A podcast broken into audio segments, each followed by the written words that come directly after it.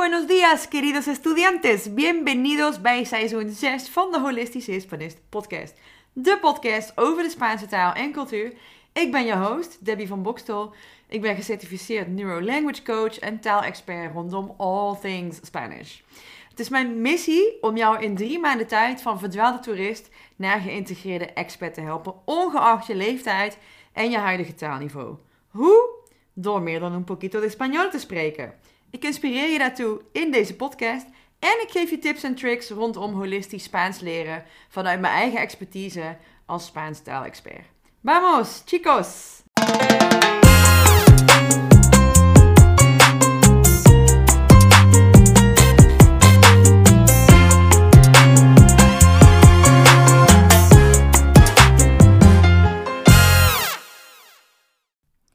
Hola mi gente, hola mundo. ¿Qué tal? ¿Cómo estamos? Zijn we klaar voor de zomer?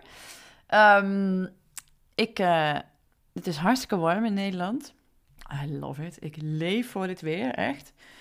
Alleen al daarvoor begrijp ik uh, dat mensen naar Spanje verhuizen. Bijvoorbeeld, of een ander Spaans sprekend tropisch land. En um, ik moest heel hard lachen, omdat ik uh, deze week... Of ja, eigenlijk mijn vriend moest heel hard lachen. Mijn vriend komt uit Sevilla... En uh, we hadden deze week op de slaapkamer de ventilator aan. Nou, in Spanje heeft bijna iedereen airco binnen. Is in Nederland niet heel gewoon. Althans, er zijn wel mensen die het hebben. Maar het is zo weinig echt warm in Nederland dat de meeste mensen geen airco hebben in ieder geval. Um, maar um, in Nicaragua, waar ik gewoond heb uh, negen jaar geleden, heet zo'n ventilator een abanico. En een abanico is dus wat in Spanje een waaier is. Weet je wel, zo'n flamenco waaier waar je met je hand mee zit te wapperen. Waar je al die Spaanse vrouwtjes in de metro en in de bus en op straat mee ziet rondlopen. En uh, een waaier. Nou, en ik weet niet, hier in Brabant, of misschien is dat iets in mijn familie of iets wat ik alleen ik doe, weet ik eigenlijk niet. Maar ik noem zo'n ventilator ook wel eens een waaier. Dus ik vroeg van de week aan mijn vriend, ik zeg, zal ik de abanico aanzetten, de waaier? En hij moest keihard lachen. Hij zei, ja, maar er is toch geen waaier? Een waaier is maar half. En dit is een ventilator, die is helemaal, die is rond. Ik zei, ja, maar hij waait toch ook een halve ronde als je hem op de waaistand zet? En toen zei oh ja, heb je misschien wel een punt. Dus zo grappig hoe een woord een bepaald referentiekader heeft. Want voor mij ging het om de windrichting en voor hem ging het over de vorm van het apparaat zelf. Nou ja, goed. Dus ik wil eigenlijk maar zeggen, ik raak nooit uitgeleerd. Uh, maar vandaag ga ik het niet hebben over de taal, maar over een cultureel dingetje wat je in Spanje en volgens mij ook wel in Latijns-Amerika tegenkomt, maar ik weet niet zo goed in welke landen en hoe diep geworteld het daar in de cultuur zit. Maar in Spanje in ieder geval wel. En dat is namelijk El Día de tu Santo, oftewel de dag van jouw heilige. Nou, misschien valt het jou ook op dat uh, de meeste mensen uit een Spaanstalig land bijna allemaal dezelfde namen hebben. En uh, dit weekend, 24 juni, is het La Fiesta de San Juan. En dat is een feest, ik zal daar zo meer over vertellen. Waarin we de midzomer zonnewende markeren. Die is vandaag op 21 juni. Dit is de langste dag van het jaar, dus nu bereikt de zon zijn hoogste punt. En daarna gaan we weer richting het dal, richting de kortere dagen. Oftewel, de winter staat alweer om de hoek op ons te wachten, lieve mensen. Voor het weten is het uh, Sinterklaas en kerst. Nee, oké, sorry, dat is wel heel, tenminste, niet optimistisch. Maar uh, ja, sommige mensen houden ervan. Ik niet. Ik wil echt, ik leef voor de zomer, maar die maanden gaan ook altijd veel te snel voorbij voor mij. Um, maar wat we dan zien in Spanje is dat mensen vuurtjes bouwen op het strand. En um, daar gaan mensen overheen springen. Ik zal daar zoiets meer over vertellen. Maar wat is dan de Dia de tu Santo? Oftewel, het wordt ook wel jouw naamdag genoemd. En uh, de meeste namen dus van Spaanse of Spaanstaligen uh, zijn gerefereerd aan de Bijbel, aan een bepaalde heilige. En vooral voor kinderen bijvoorbeeld. Um, nou, mijn, mijn vriend, zijn naam is bijvoorbeeld Iwan. Nou is dat geen typische Spaanse naam. Volgens mij is dat een, een Russische naam. Maar de Nederlandse variant daarvan is Jan en de Spaanse is uh, Juan. Oftewel, zijn Dia de Santo is uh, met de Fiesta San Juan dit weekend. Daarom kwam ik ook ineens hierop. Dat ik dacht, oh ja, ik weet ook niet meer hoe ik erachter ben gekomen dat ze dat in Spanje vieren. Ik denk dat ik wel ooit iemand heb gezien die daarover op Facebook of iets, iets gepubliceerd heeft. Maar in ieder geval, um, het is een soort uh, mini-verjaardag. Als jij de dag van jouw heilige hebt. Ook al is dat dus niet jouw verjaardag. Bijvoorbeeld mijn vriend heeft hem dit weekend zijn naamdag, zijn heilige dag, su dia de, el de, su santo. Maar hij is in mei jarig. Dus je krijgt misschien cadeautjes, je krijgt berichtjes waarin mensen je feliciteren. Uh, misschien op uh, school kun je tracteren. Uh, mensen die een liedje voor je zingen. En ja, het is eigenlijk een heel katholieke gewoonte. Maar waar die precies vandaan komt, weet ik eigenlijk niet. Um, maar ja, het, het, het is wel dus echt een cultureel dingetje. Want wij hebben dit niet, in Nederland tenminste, niet voor zover ik weet. En ik kom uit een rooms-katholiek gebied hier in het zuiden in Brabant. Uh, dus ik ben ook opgegroeid met de kerk. Maar uh, ja, nou goed. Oké, terwijl ik deze episode aan het opnemen ben, ben ik hier iets dieper voor je ingedoken, want ik hou niet van half werk. Ik was heel geïnspireerd door het onderwerp. Maar dus, in de katholieke traditie hebben heiligen hun eigen feestdag. Net als Sinterklaas, hè? Sint-Nicolaas, zijn overlijdensdag is 6 december. Hier in Nederland vieren we het op 5 december. Maar een heilige dag is dus de dag van hun dood, van hun overlijden. Dus als je naar een heilige vernoemd bent, dan vier je die dag als jouw naamdag, oftewel in het Spaans El Día de tu Santo. En in de middeleeuwen, toen het, ja, het katholieke geloof heerste over heel Europa en verder, kon dus jouw geboortedag voorspellen wat jouw naam was. Dus je zou letterlijk vernoemd kunnen worden naar een heilige die toevallig op die dag gevierd was, omdat hij op die dag overleden was. Nou, en wat ook zou kunnen is dat bij jouw, um, uh, uh, hoe heet het, als je gedoopt wordt, dat een, een, een pastoor of een priester een naam van een heilige toevoegt aan jouw naam.